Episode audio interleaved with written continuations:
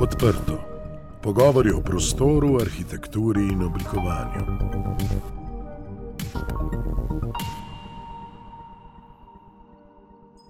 Pozdravljeni v podkastu Odprto. Z vami sem Lenka Kavčič. Tokrat v oddaji gostim kolektiv Monument Group. Kolektiv Monument se osredotoča na vprašanje fenomena Monument, s čimer označujejo arhitekturo, spomenike, javne prostore in infrastrukturo, katerih pomen se je predrugačil ali izbrisal zaradi zgodovinskih, ideoloških in družbenih sprememb.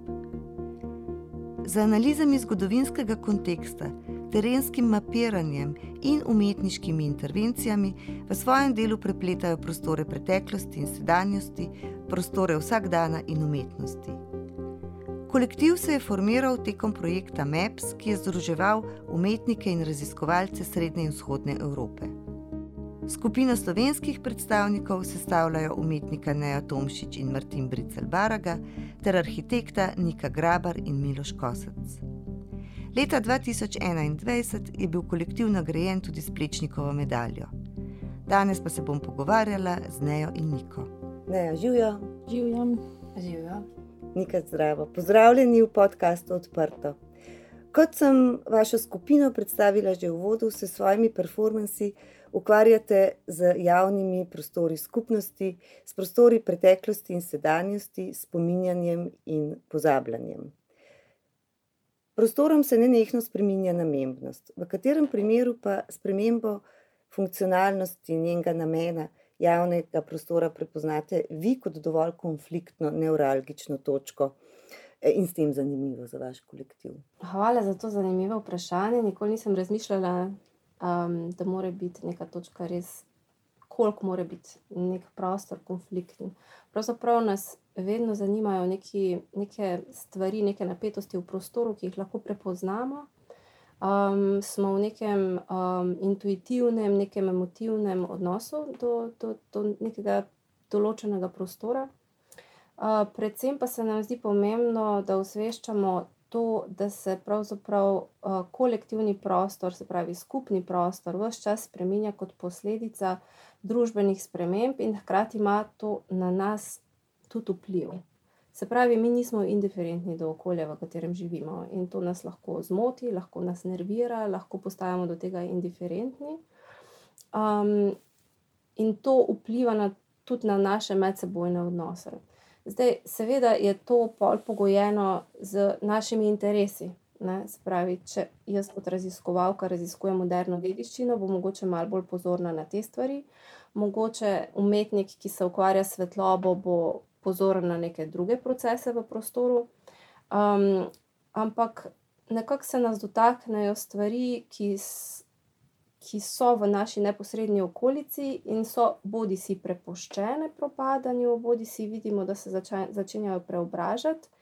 Uh, običajno je pa s tem povezan tudi nek kolektivni diskurs ali pa nek javni diskurs. Ni pa nujno. Tako da pravzaprav še nismo prišli do tega koliko mora biti neka stvar kontroverzna, ni to pravzaprav kriterij. No. Mislim, da lahko naredimo tudi neko akcijo, stvar šele vidno prvič. Lahko je pa neko zelo zatečeno stanje, pa potem nekaj poskušamo ustvariti iz tega. Vaš prvi monument, ki ste ga obravnavali in ob katerem je bil kolektiv Monument Group leta 2014 tudi ustanovljen, je bila McKendinova fontana v centru Baltimorja. Fontana je bila postavljena v 80-ih in je bila uradno določena za območje za prostor svobode govora. Leta 2017 pa so jo porušili.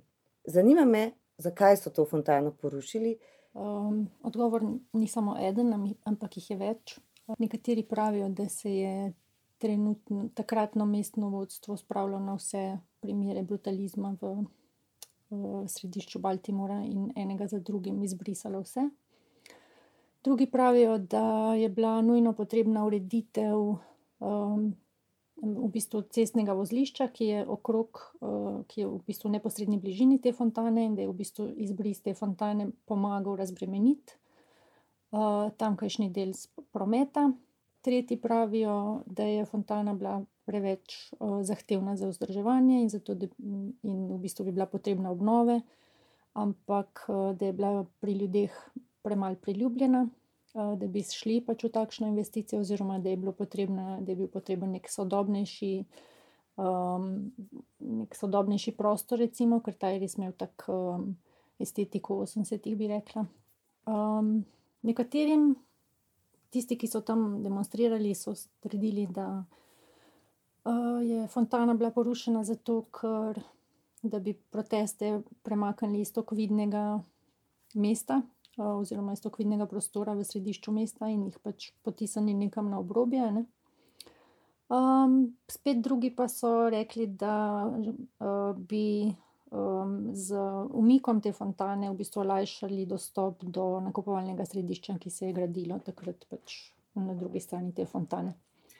Tako da to so vse nekako vzroki, na katere sem, smo naleteli, ko smo raziskovali to. In kakšno je bilo potem sporočilo tega prvega performansa, non-humanta? Seveda, najprej smo se ukvarjali s tem, oziroma smo se pridružili inicijativi, kako sploh, mislim, da bi, da bi to fontano obdržali. Potem pa je v bistvu, ko je bilo jasno, da, te, da, da se to ne bo zgodilo, smo, začeli se, smo se začeli ukvarjati s tem, kako bi lahko uh, to fontano v bistvu ohranili v čim večji. Uh, V čim večji kompleksnosti vseh teh ljudi, in, ki so jo uporabljali. Ne? Se pravi, da, bi, da jo ne bi ohranili samo kot neko, um, nek arhitekturni spomenik, ampak da bi uh, jo poskušali ohraniti tako, da bi jo in lahko doživel kot arhitekturo, ampak hkrati tudi vse te različne perspektive ljudi, ki so ki so jo uporabljali, ki so se borili za njo, ali pa tudi tiste, ki so bili za to, da se ta fontana poruši. Um, se pravi, da na nek um, bolj, recimo, kompleksen način predstavimo, kaj en tak, kaj en tak objekt v središču mesta pomeni ne, za prebivalce, kar je bilo v bistvu tudi. Um, Neko moje izhodiščno vprašanje, uh, da sem sploh predlagala to kot prvi monument, zato ker sem v Baltimoru opazila zelo, zelo poseben odnos do javnega prostora v primerjavi z našim. Um, in se mi je zdelo, da, uh, da ta fontana v bistvu predstavlja um, eno tako, v bistvu zelo nenavaden prostor za. Um, Za, um, v primerjavi z našim. Pa je, kakšna pa je razlika, ki si opazila v odnosu do javnih prostorov, recimo na drugem kontinentu, v Ameriki, pri nas, v Sloveniji? Predvsem uh, sem opazila, da prostor, recimo uh, ulice, trgi, um, zadrževanje v javnem prostoru, v, vsaj v Baltimoru, ni varno. Zato ga ljudje ne uporabljajo kot um, prostor, v katerem bi se zadrževali. Uh, v bistvu skozi njega potujejo, um, z avtomobili oziroma z javnim prevozom, ampak um, nekako čim hitreje, ne v neke varne prostore. Um, in ta fontana je definitivno nekako štrlela ven iz tega, ker, so, ker, so iz, ker je najbolj spominjala na nek trg, ne, kot ga poznamo uh, tukaj. Če se še navežem, dejansko v okviru ta akcija, ki je bila izvedena v zvezi z Mekeldinovo fontano, je bila 3D poskenirati to fontano, predno je bila porušena in hkrati posnet intervjuje z ljudmi. Spravi, to je Neja delala v Ameriki. Takrat pravzaprav mi še nismo bili formirani v tej obliki kot skupina, ampak sta takrat delala Neja pa Martin skupaj, uh -huh. uh, pa Lisa Moren. Uh, tako da bila pa je ta fontana, ta 3D fontana, kot app predstavljena v Ljubljani v okviru simpozija, ki smo ga organizirali kot del projekta Maps. In zanimivo je to, omenjam namreč, ker kljub temu, da se nam zdi, da doskrat stvari postanejo 3D in so kar naenkrat na ekranu, v bistvu je aplikacija na ta način narejena, da se ti pravzaprav hodiš okrog z iPadom ne, in ti v bistvu skozi ta iPad gledaš uh, fontano, pri čemer tudi potrebuješ prostor.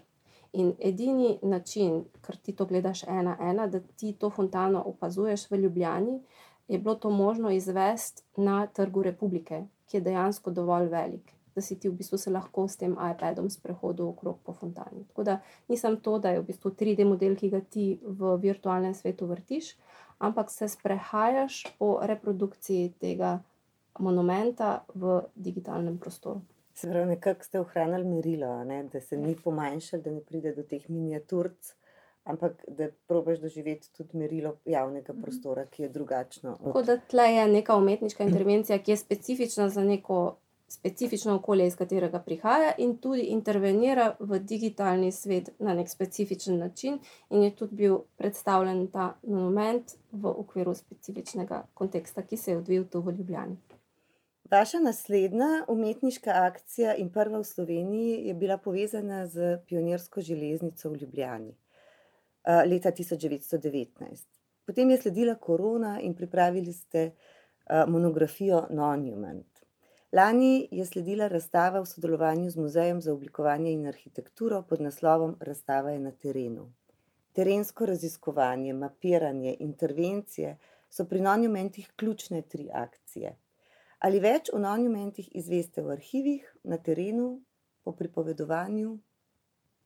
Ja, ključni del pri ukvarjanju z monumenti je pravzaprav raziskovanje prostora, ki je zelo kompleksno zmuzljivo področje, ker veliko ljudi se ukvarja z ruševinami, pa z razpadlimi hišami, ampak namen je res pravzaprav vzeti fenomen prostora resno. Zato je s tem povezano neko določeno raziskovanje.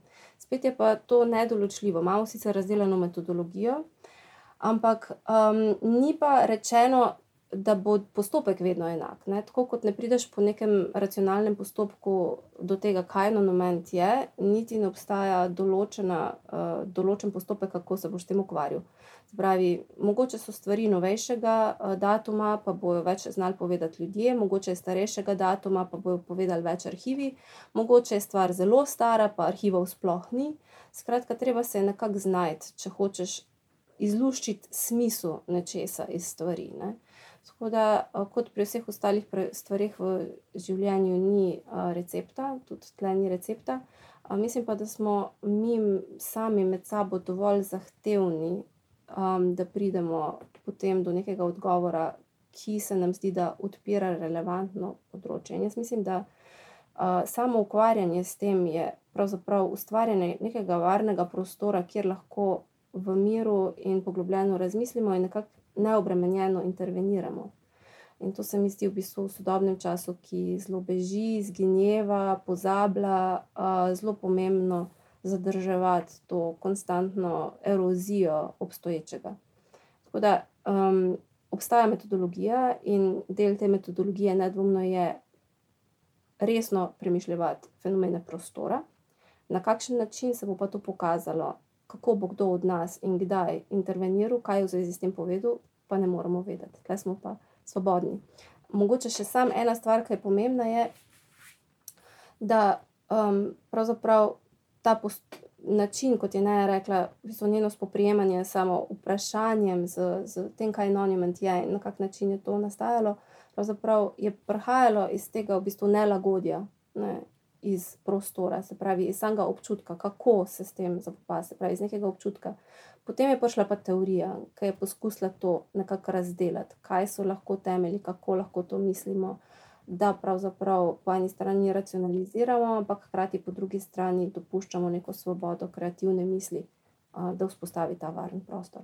Tudi meni se zdi, da v bistvu ni, ne moremo izpostaviti samo ene, enega vidika, ne, se pravi, ali iskanja v arhivih ali poslušanja zgodb, ampak, pri večjih projektih smo se vedno zatekli k vsem tem, stvarem, sem pa hotela v bistvu omeniti še to, da v zadnjih, letih, oziroma z lanskim letom smo začeli organizirati tudi terenske dogodke, ki pa v bistvu nekako, vzamejo neki prostor, in v njem nekaj sprožijo, ne.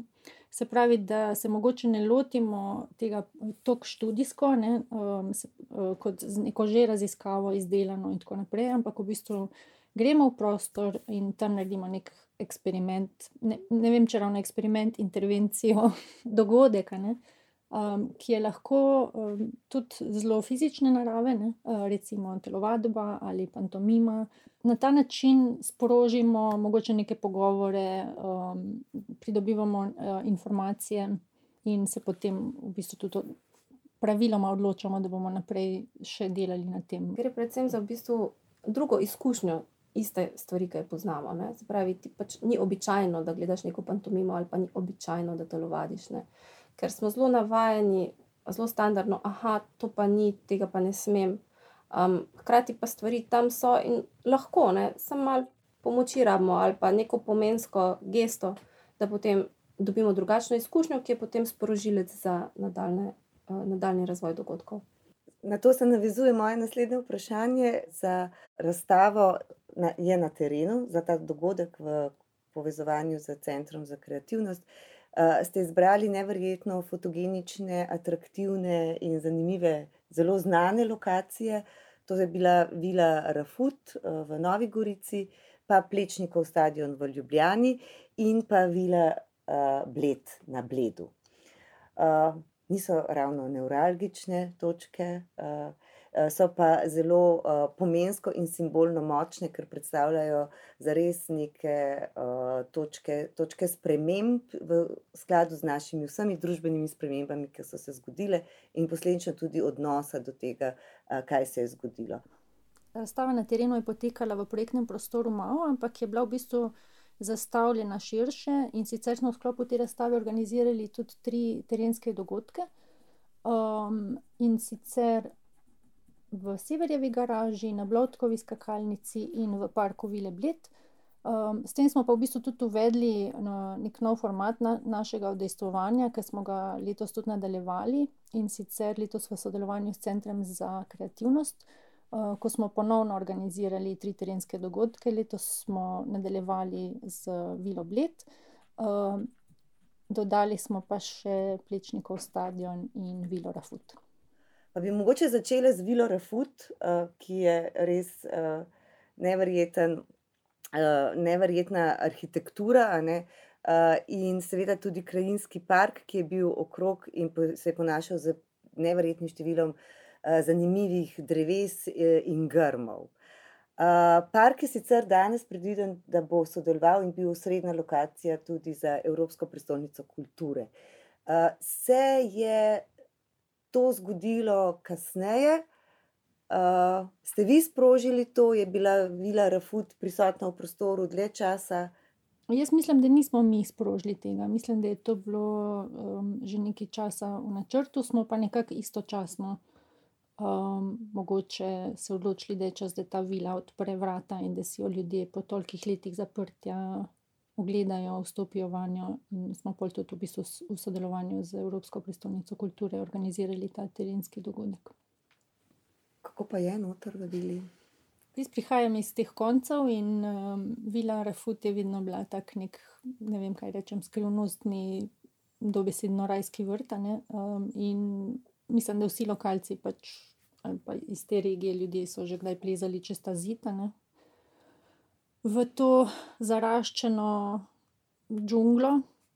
Ne vem, recimo, tukaj je zelo zanimiva ta neka primarna izkušnja, ki jo imaš, ko ne veš, ne, kaj, v kaj vstopiš, ne kot, kot otrok ali kot najstnik. Ne, um, ko vstopiš v neko pač, občutek, imaš v neko zasebno lastnino, ne, um, ki ne veš, zakaj je zapuščena, in ko potem v bistvu začneš um, resno, razisko, mislim, resno je raziskovati, uh, kaj se je zgodilo, zakaj je ta prostor zapuščen in v bistvu odkriješ eno um, zelo fascinantno in zelo, vem. Um, Mislim, da je precej skrito um, zgodovino, ne, ki je vezana na stanje tega uh, parka.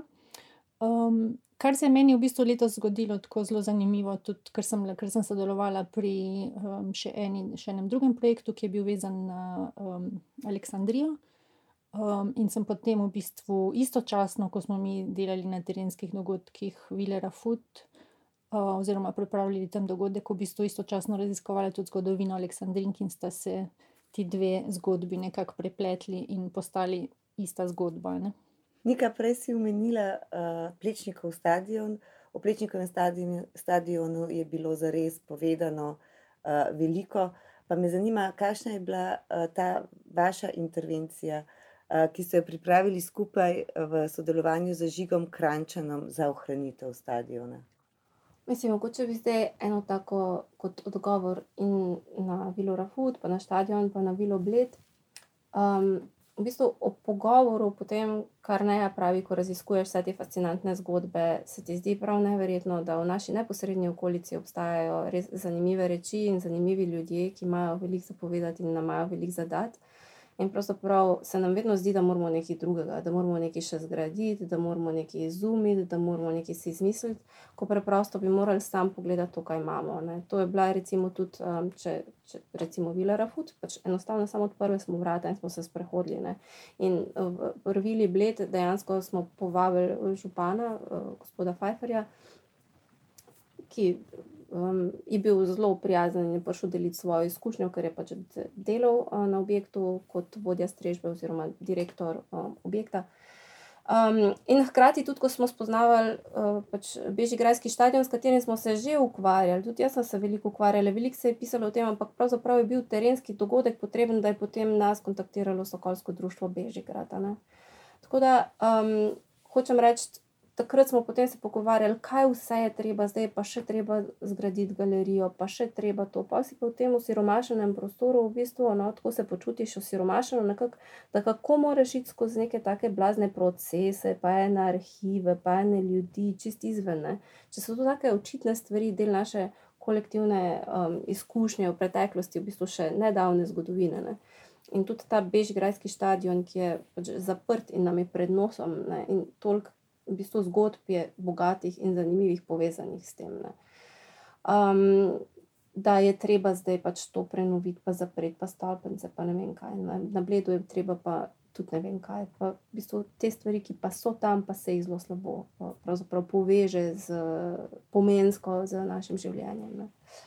Um, kar se tiče konkretne akcije, um, se pravi, uh, dogodek je na terenu. Ne, kako smo imeli terenski dogodek, uh, naslov dogodka je bil pa proste vaje. Je bilo eno tako na ključe, namreč uh, leta 1922 je potekal vse sokolski izlet. Um, in spet ena izmed teh zgodb, ki se sploh ne zavedamo, da prvi uh, ljubljanski stadion je bil montažni stadion, ki je bil zgrajen za namene vse sokolskega izleta. Uh, torej, leta 1922 In pravzaprav je ohranjen en plakat um, teh vaj, prostih vaj, ki so, iz, ki so jih izvajale Sokolje in Sokolice. Hkrati je bilo pa organizirano tudi mednarodno, ogromno mednarodno tekmovanje, v glavnem tisoče in tisoče ljudi, stadion, zelo zanimiv po svoji obliki, zelo tako orientalski um, deluje, ki je bil postavljen in razstavljen, in potem kot reakcija na to, pač želja Orlov, da zgradijo svoj stadion, in so zgradili ta svoj stadion tudi uh, skozi en zelo zanimiv um, način, pač plečnik je. Um, naredil načrte, imeli so celo loterijo, da so to postavili. Potem je tudi za sokole delal oplečnik v Tivolijo, in potem je bilo tudi nekaj narejeno, pa spet porušeno. Skratka, vidiš, da je tle cela neka paralelna zgodovina gradnje in rušitev povezanih s kolektivno telovadbo. Ne? In pravzaprav, kot da to sploh ne obstaja. Ne? In pravzaprav na tem dogodku smo nekako hoteli osvetliti to temo v odnosu ne samo do tega konkretno tega stadiona, ampak v kolektivni zavesti da se ukvarjamo s prostorom, ki je namenjen telovadbi, kaj je pomen javne telovadbe, kje smo danes v zvezi s tem. Ne? Tako da um, to je več teh plasti, je prišel v bistvu v zelo preprosti gesti, da smo enostavno takrat se ob petkih stadion odpiral kot um, gesta. In smo enostavno, stadion je bil odprt. Najprej v originalu smo planirali, da bomo izvedli to akcijo pred stadionom, ampak je bilo to malce nesmiselno, glede na to, da so bili ljudje noter in smo šli pač enostavno noter. In je osebno je bil to dogodek, ki mi je od vseh dal največ. Da enostavno greš v ta prostor in preživiš eno uro tam noter in ga uporabljaš za namen, kot je bil zgrajen, in enostavno si tam. Z nekim drugačnim načinom, da se ne opiraš, da se ne pritožuješ, da ne razmišljaš, kaj bi lahko zgraditi, ampak enostavno se skozi neke različne pomene povežeš z obstoječim stanjem. Bil je tudi nevrjetno dobro obiskan ta dogodek, veliko ljudi je prišlo na proste vaje. Uh, kakšni so bili odzivi? Mislim, da nisem sploh omenila žiganja. Žigan je bil um, zelo odprt in zelo um, pripravljen sodelovati, in v bistvu tudi on mi je veliko dal, no? sploh pri razmišljanju o tem dogodku. Um, od, mislim, ker imamo neke predstave v teh vajah. Spravi, izhodišče je bilo um, te vaje, ki smo jih našli, in on je v bistvu določene elemente iz teh ohranjenih vaj pač vzel in na podlagi tega zgradil eno improvizacijsko delavnico. Um, dogodek je bil dobro obiskan, in pač tudi na koncu dogodka smo se vsi usedli, vključno z Žiganom, ki je vodil pogovor, in smo se vsi počutili um, zelo dobro. Mislim, ne vem, kaj so besede, jih, s katerimi naj to opišem, ampak vsi smo imeli veliko zapovedati um, kot ena tako zelo posebna izkušnja, no? ki je zelo odzvanjala še. In za doskrat imamo občutek, ko organiziramo dogodke, pa ne sem, mislim, no, nimam na splošno, se mi zdi, da se trošimo. Ne? Tle dejansko sem imela občutek, da sem več dobila nazaj, kot smo vložili v ta dogodek. Čisti izkustveno. Napeljala si me zdaj na Severjevo garažo, ki ste jo uporabili skupaj z taksisti in jo namenili vožnji, da so se obiskovalci lahko z, z taksiji vozili po garaži in ob tem poslušali zgodbe. Uh, spet je bil prostor uporabljen na tak način, kot je bil prvotno zamišljen, vendar z drugo zgodbo. Ja, Severjeva garaža je bila v bistvu eno presenečenje, ker um, tako kot večina ljudi, verjetno smo tudi mi pričakovali eno zapuščeno zgradbo. Ne? Um, ko jo gledaš od zunaj, imaš občutek, da je to eno skladišče, um, ki ga skoraj noben nihče ne uporablja. Ne? Ko smo pa enkrat začeli um, zahajati tja, se pogovarjati z ljudmi, uh, smo ugotovili, da je to ena v bistvu zelo pestra in aktivna skupnost uh, uporabnikov. Um, in da pravzaprav ta garaža. Um, res zelo raznolike zgodbe uporabe. Ne? Od tega, da, ljudje, da jo ljudje že od nekdaj uporabljajo kot, parki, pač kot, kot garažo za parkiranje avtomobila, do tega, da so noter parkirani avtomobili, ki jih mogoče že 20 let pač nihče ni. Ki so pač v bistvu postali golobnjaki, ne, prebivališče za ptice, um, do tega, da so to um, skladišča, ne, ki, jih pač, ki jih ljudje uporabljajo kot uh, ja, kot, kot svoje kleti, recimo. Um, do tega, da si ljudje kupujejo recimo, avtomobile, zato da bodo še lahko parkirali tam noter, tako pač in si avtomobile zbirajo, glede na to. Do tega, da, so, da, da najdeš v, te, v tej garaži v bistvu tudi cel kup uh, načinov, kako so si ljudje priredili uh, svoje garaže, zato da lahko še parkirajo tam, pa imajo celo metodologijo, pa nekaj um, neke vrvice, pa neka ogledala posebej postavljena. Uh, pa tako da, ne vem, en gospod nam je pripovedoval, kako je na gospa vsakeč plezan skozi prtlažnik ven. Um, skratka, pač se mi zdi, da je tak en, en, en tak zelo pester, uh, zelo pester prostor in predvsem zelo živ prostor. Um, in v bistvu smo nekako uh, poskušali s to zgodbo tudi um, to uh, mislim, moj, moj cilj pač pri tej pripovedi, pri tem scenariju je bil predstaviti to uh, živost, a ne živost, da ta zgradba je v bistvu ja, zelo, živ, žil, zelo živ prostor. Je pa treba dodati, da je bilo zelo težko se pogovarjati. Mislim, sploh prideti do tega, se mogoče sama intervencija pa zelo simpel izpade. Uh, Pelješ se gor pa dol z taksijem in poslušaš CD, in ta zvočna vožnja traja 17 minut. Ampak samo dejstvo, da smo prišli do te oblike, v bistvu umetniške intervencije, ima pa zelo dolgo brado. Kar pomeni, da smo se non-stop zaletavali v zid, ko smo hoteli karkoli narediti v tej hiši. In pravzaprav zadnji stavek, ne vem sicer koga, ker to ni bilo izrečeno meni, je bilo, bil pač tukaj se nič ne more zgoditi. To je dejansko stavek, ne vem čigav, ampak nekoga, s, s komer smo se pogovarjali o možnostih uporabe. In pač je bilo pravzaprav to raziskovanje, kaj pa je možno narediti, kaj, do kam lahko mi gremo, da lahko nekaj naredimo. Ne? In potem smo pač, ampak vse to je garaža, ta garaža je še vedno uporabi. In pa smo prišli na idejo, da v bistvu najamemo garažo. In pač se nihče ne more reči, da se ti ne moreš plati do svoje garaže in ven. Ne? In v bistvu smo potem najeli garažo, prišla je ideja za zvočno vožnjo, ne napisala scenarij, v katerega smo pač vključili elemente zgodovine te hiše, in potem tudi smiselno vključili pripovedi ljudi, in spomine na to garažo. Skratka, morajo obstajati nek, obstajati nek research, da smo vedeli, o čem govorimo, morala je obstajati neka metodologija, da smo lahko rekli, da smo lahko utemeljili, da je ta zgradba monument. In v bistvu hkrati je tudi morala obstajati ta barijera, zoper katero smo se potem mi nekako. Jo mehko prešli, no, bi rekla, da lahko imamo to posebno izkušnjo, ker umetnost izreže neko posebno izkušnjo v izkušnji vsak dan. In je res tako meditativski moment, ko se peleš um, v bistvu z eno zvočno vožnjo po nekem prostoru, ki je sicer zelo utilitarne narave. Recimo, no. mm. Jaz bi sam še dodala nekaj, nekaj zdaj pač omenila te, uh, ta naslova, ne? tukaj se nič ne more zgoditi. Uh, da je to v bistvu že postala neka serija teh uh, birokratskih izjav, ne, ki smo jih srečali med uh, raznim raziskovanjem, naprimer eh, tudi pri Blodkovi skakalnici je bilo naslov porušeno in pozabljeno.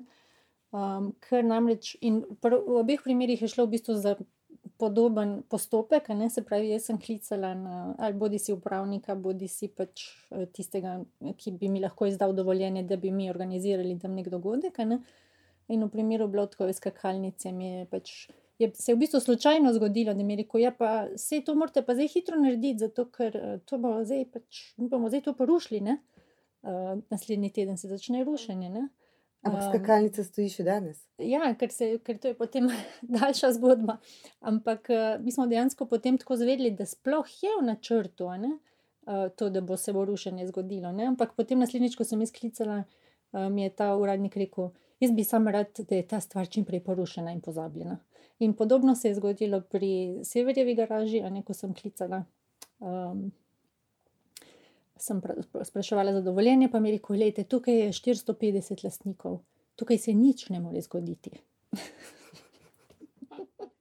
Vendar iz teh izkušenj uh, vidimo, da garaža se uporablja, da nekateri ljudje s tem vzpostavljajo, s tem prostorom, očitno vzpostavljajo tudi neko čustveno navezanost, da izumljajo nove načine, kako uh, v premajhen prostor uh, danes spraviti prevelik avtomobil, uh, da obstaja vrsta drugih rab, še torej ni čisto nujno, da si vsi v družbi želimo pozabiti. Obstaja pa moč, da se določene stvari mora pozabiti.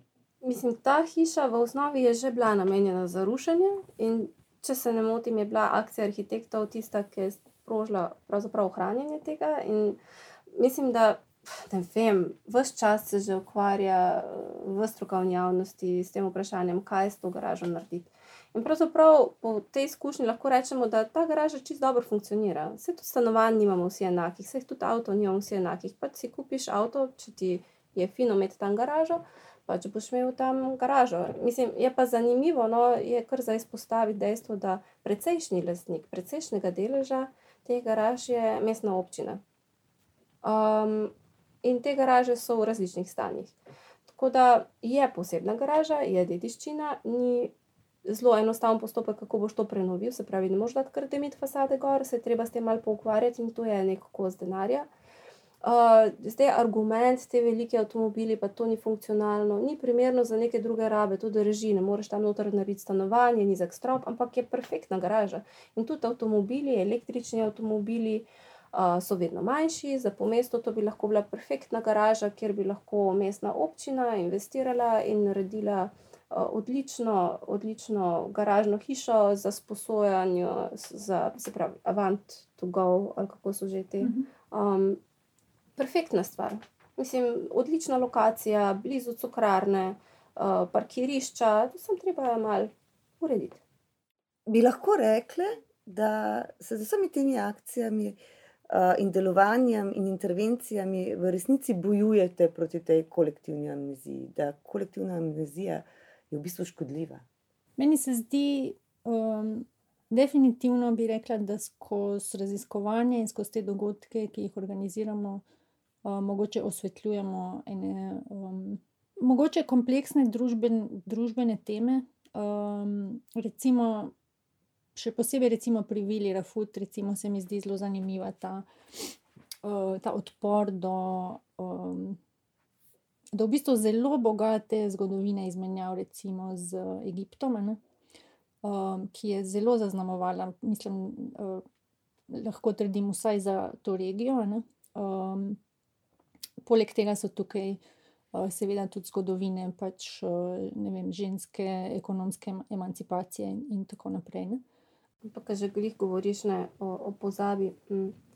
Je tako, jaz rečem, pa če si težko, kaj so monumenti, ljudje sprašujejo. Pa imamo pa to definicijo, ki si jo že na začetku povedala. Skratka, se dotika prostora, pa se dotika sprememb. Ne. Ampak monument je nekaj, kar, ob čemer se spominjamo. Ne. In jaz pa rečem, da so monumenti včasih eni pozabniki.